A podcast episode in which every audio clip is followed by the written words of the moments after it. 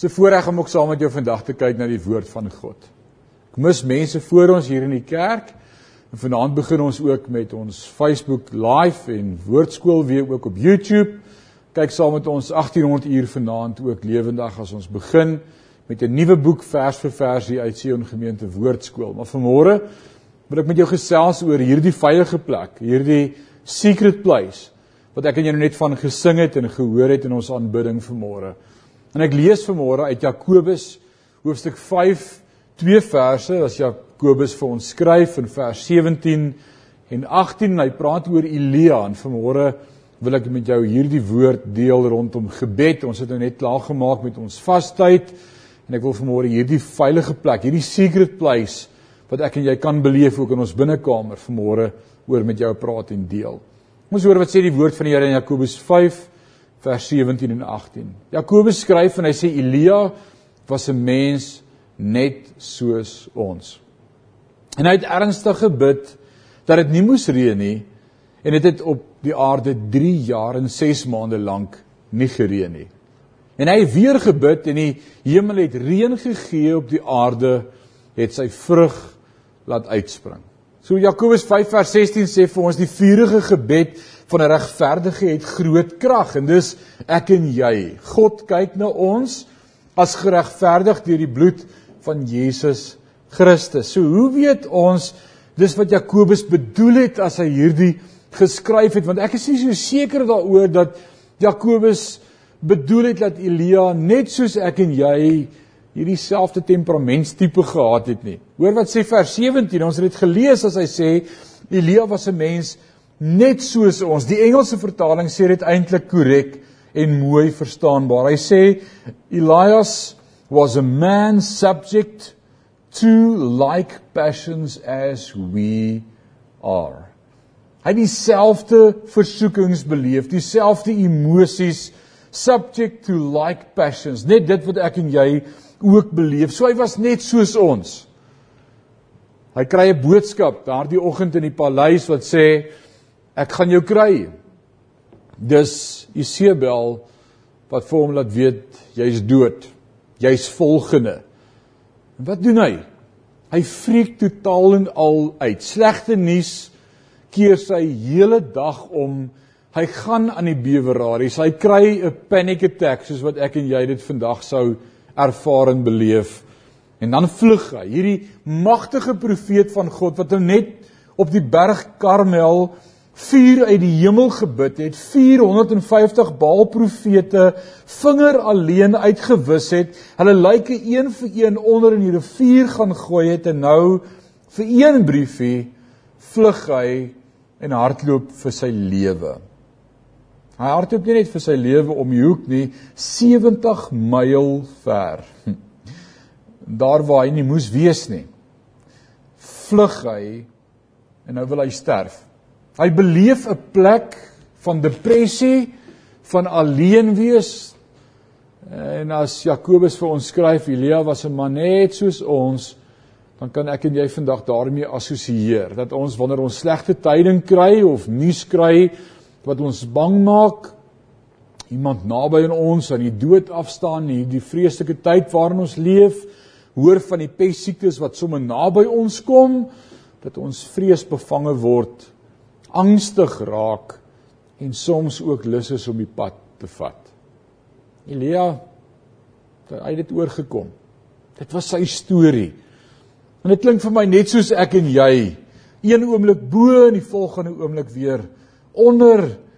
En dit was Jakobus wat hier vir ons skryf. Maar vers 17 sê Elia was 'n mens net soos ons en hy het ernstig gebid. Hier is iets in sy bediening gewees. Iets iets in sy lewe gewees. Hy het ernstig gebid dat dit nie moes reën nie. En dit het op die aarde 3 en 'n half jaar nie gereën nie. In 1 Konings 17 waar ons hierdie verhaal vind uit die blou te verskyn hy op die toneel Elia. Ons weet niks van hom nie. Hy storm in die paleis van Agab in en sê dit gaan nie reën nie behalwe op my woord. Julle is besig met afgode diens. Bekeer julle tot God. En wat het hierdie man sulke boldness gegee om hierdie stap te neem en nie bang te wees vir Agab nie. Jakobus vertel ons iets wat ons nie sou geweet het nie van die storie sê dit nie vir ons in 1 Konings 17 nie, maar Jakobus vertel vir ons Elia het ernstig gebid. Hy het iets beleef van daardie verhouding met God en hy het ernstig gebid. Wat beteken dit? Die Engelse vertaling sê and he prayed earnestly. Dis 'n mooi vertaling, earnestly. Dis 'n baie interessante kombinasie in die Griekse taal earnestly. Pros hukai wat beteken bid, maar nie net bid nie. Hoekom is dit dan vertaal as ernstig bid of earnestly vertaal? Want daar staan mos dan bid, bid. Dis eintlik wat dit sou lees, maar die eerste woord bid is 'n ander woord, dis die bid, dis die woord die huises of diamai wat beteken om neer te buig to prostrate oneself om om neer te buig voor God in erkenning en afhanklikheid ernstig tot God geroep. Wat probeer ek vanmôre vir jou sê en vir jou leer? Elia, 'n mens net soos ons het geweet hoe om te bid neergebuig onder God se heerskappy en beheer en hy het ook die skrif geken. Want dit wat hy bid, as hy bid dat dit vir 3 en 'n half jaar nie sal reën nie, op grond waarvan bid hy dit? En baie van ons gaan in hierdie tyd en ek het hierdie week weer 'n SMS gekry om vir my te sê, "Wat beteken dit dan as God sê, en wat ook al julle my vra, sal ek vir julle gee?" Beteken dit ek kan vra net wat ek wil en bid vir enigiets en die Here moet dit net doen? Nee, ek wil jou vanmôre help om te sê bid skrif. Jesus leer ons dit bid. Hy sê laat u koninkryk kom, laat u wil geskied soos die hemel so ook op die aarde. Om die wil van God te bid. Laat u wil geskied. Dis wat ons kan bid. Matteus 6:33 soek allereerst die koninkryk van God en sy geregtigheid. Dis waarna ons moet soek met ons harte. En dan sal hy vir ons al hierdie ander goed wat ons nodig het byvoeg. Soek eers die koninkryk. Hoe sê hoekom sê ek vanmôre Elia die skrif geken? Want Deuteronomium 11 vers 16 en 17 sê die volgende: Neem julle in ag dat julle hart nie verhard en verlei word nie sodat jy afwyk en ander gode dien en voor hulle neerbuig en die toorn van die Here teen julle ontvlam en hy die hemele toesluit sodat daar geen reën is en die aarde se opbrengs nie gee nie en julle gou uit die goeie land omkom wat die Here julle gee. Die skrif sê en God het gewaarsku en sê as julle afgode gaan dien, gaan ek die hemele sluit sodat dit nie reën nie. En dan as Elia in die paleis instap by Agab, dan quoteer hy skrif en hy sê ek gaan bid dat gebeur wat God gesê het sal gebeur. Dit sal nie reën nie. Want julle is besig met afgode diens. Elia, nie net 'n man wat geweet het hoe om te bid in afhanklikheid van God nie, maar ook verstaan het dat om skrif te bid is God se wil. So wat God se wil vir my en vir jou lewe in hierdie tyd, wat bid ons? Ag Here, hou ons gesond. Ag Here, ek bestraf die. Ag Here, ek bid vir daai. Nee, soek allereers die koninkryk van God. En daarom is my gebed in hierdie tyd te midde van 'n pandemie en te midde van alles wat om ons gebeur, is laat U wil geskied. Laat die mense U beleef en ervaar groei in hulle verhouding met U en verdiep in hulle verhouding met U. Mag hulle God ontmoet ook in die storm. Dis die wil van God om te bid. Petrus sê dis die wil van God dat nie een verlore sal gaan nie, maar almal gered sal word. Dit kan ons bid. Bid vir die redding van siele. Bid dat mense by God sal uitkom. God sal ontdek, God sal ontmoet as hulle anker, as hulle rots, as hulle hoop in hierdie tye waarin ons lewe. So Jakobus 5:16 sê vir ons die vurige gebed van die regverdige het groot krag. En hy het die woord gebid. Hy het skrif gebid. En na 3 en 'n half jaar is daar 'n konfrontasie tussen Elia en die Baal profete en hulle sny hulle self en hulle bid en hulle skree en dan spot Elia tot met hulle en vra vir hulle is julle God besig? Is hy is hy beset? Is hy absent? Is hy besig met ander goed? En dan roep hulle al hoe harder. 1 Konings 18 vertel vir ons van hierdie verhaal vers 36 en op die tyd dat hulle die spysoffer bring het die profeet Elia nader gekom en gesê Here God van Abraham, Isak en Israel laat dit vandag bekend word dat u God is in Israel. En ek die kneg en dat ek al hierdie dinge op u woord gedoen het. sien jy hoe hy opgetree op u woord?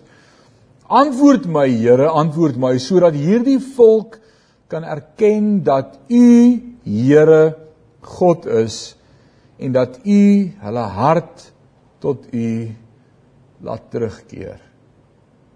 Dit het my in hierdie week opnuut so in my hart gegryp om vir myself te vra, wat is die motiewe met wat ek bid? Wat, hoe hoekom bid ek wat ek bid?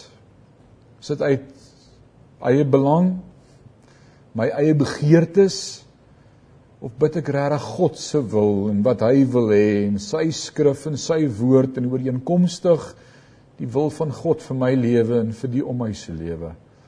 Ek wil vanmôre vir jou sê daardie veilige plek waarvan ek net nou gesing het wat sê I found myself a secret place, a hiding place. Is daardie plek waar ek leer om God se wil te bid. En dit sê nie my wil nie, Here, maar U wil. Elia het iets daarvan geken en verstaan en wat gebeur wanneer ek en jy God se wil bid? Ons sien vuur uit die hemel. Ons sien wonderwerke gebeur. Ons sien God se kragdadige hand wat ingryp en 'n verandering bring wanneer ons God se wil bid. Ek wil vandag vir jou sê die geheim vir 'n gebedslewe is nie om jou eie wil te bid nie, maar om God se wil te bid. Kom op daardie plek wat ons ontdek in die in die woord en gelei en geïnspireer deur die Heilige Gees, wat wil God hê moet ek bid? Wat soek God? Wat wil God doen in hierdie prentjie? Ek wil nie vir die Here sê wat moet hy doen met corona en hierdie pandemie nie. Ek wil by hom hoor wat wil hy doen hiermee? Want God kry altyd die eer, altyd die lof en altyd die aanbidding vir alles wat gebeur. Paulus sê dit verstaan as hy skryf in Romeine 8:28 en sê alles werk mee ten goeie. My gebed vir jou in hierdie tyd in jou lewe en jou huis, daar waar jy stil word vandag, is dat jy sal ervaar hoe die Here met jou praat. Word 'n oomblik stil vandag. Dis ook vanmôre nagmaal. Dis awesome om om saam nagmaal te kan gebruik en ek hoop jy het jou elemente gereed daar waar jy is. As jy nie het nie druk pause. Dis die wonder van media is. As jy kan my pause en terugkom en verder luister. En ons gaan vanmôre ook saam nagmaal gebruik en en dis wat die nagmaal kom sê is nie my wil nie maar u wil. Dis wat Jesus bid as hy bid in die tuin van Getsemane en hy praat met die Vader en hy sê nie my wil nie maar u wil. Selfs Jesus as seun van God het iets daarvan verstaan. Uit sy plek en posisie verstaan in God se wil. En ek wil vir jou sê dit het tyd geword kerk, liggaam van Christus elkeen van ons dat ons ons posisie sal verstaan in God se koninkryk. Kom ons soek vanmôre sy wil. Hierdie broodjie herinner my vanmôre dat Jesus as seun van God gebid het. Laat u koninkryk kom, laat u wil geskied, nie my wil nie. As dit my wil is dat hierdie beker verbygaan, maar u wil. Vanmôre sê ek Here dat dit ook so wees in my lewe, nie my wil nie. U weet wat is u plan met my? Help my, u pottebakker met my. Die klei vorm my en maak my net soos u wil. Vanmôre wil ek saam met jou hierdie broodjie gebruik. In ons gebed vanmôre maak Here help my om te onderwerp aan u wil vir ons. Net soos wat u u lewe afgelê het vir ons aan die kruis. Kom ons eet saam die brood.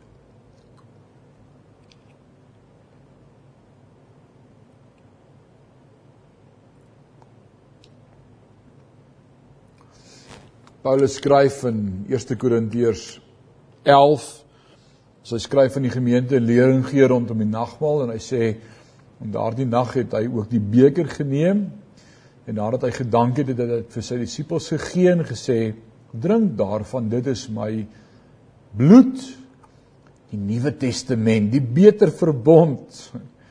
En hierdeur sê ons ook vanmôre nie my wil nie, maar u wil. As dit Jesus se wil was, dan was daar nie 'n beker nie. Maar hy het hom onderwerp aan die Vader en so wil ons ook vandag onderwerp opnuut en sê net wat u met ons wil doen, hier is ons. Kom ons drink die beker. Loof die Here. Kan ons vir hom dankie sê vanmôre daarvoor en saam bid dat die Here ons sal help in hierdie tye om woord te bid. Om skrif te bid En al raak ons bang, al wil ons die pad vat soos Elia, al wil ons vlug dat ons op daardie plek sal kom waar God met ons kan praat. Kom ons bid saam. Ewige God en Hemelse Vader, dankie vir u liggaam wat ons saam kon eet vanmôre as simbool, die nagmaal, u liggaam, u bloed. Dankie vir u woord vanmôre. Dankie vir Jakobus wat vir ons iets kom leer van die lewe van Elia. Vanmôre wil ek bid vir elkeen van ons. Help ons om woord te bid, om woord te ken, om woord te lewe en om bewus te wees van u plan in ons lewe. Ons is so gefokus op ons eie behoeftes. Ons wil vanmôre kom bid vergewe ons dat ons vir u wil sê wat ons dink. Ons wil vanmôre opnuut kom bid, laat u wil geskied. Word verheerlik in en deur ons. Dis my gebed in Jesus naam. Amen.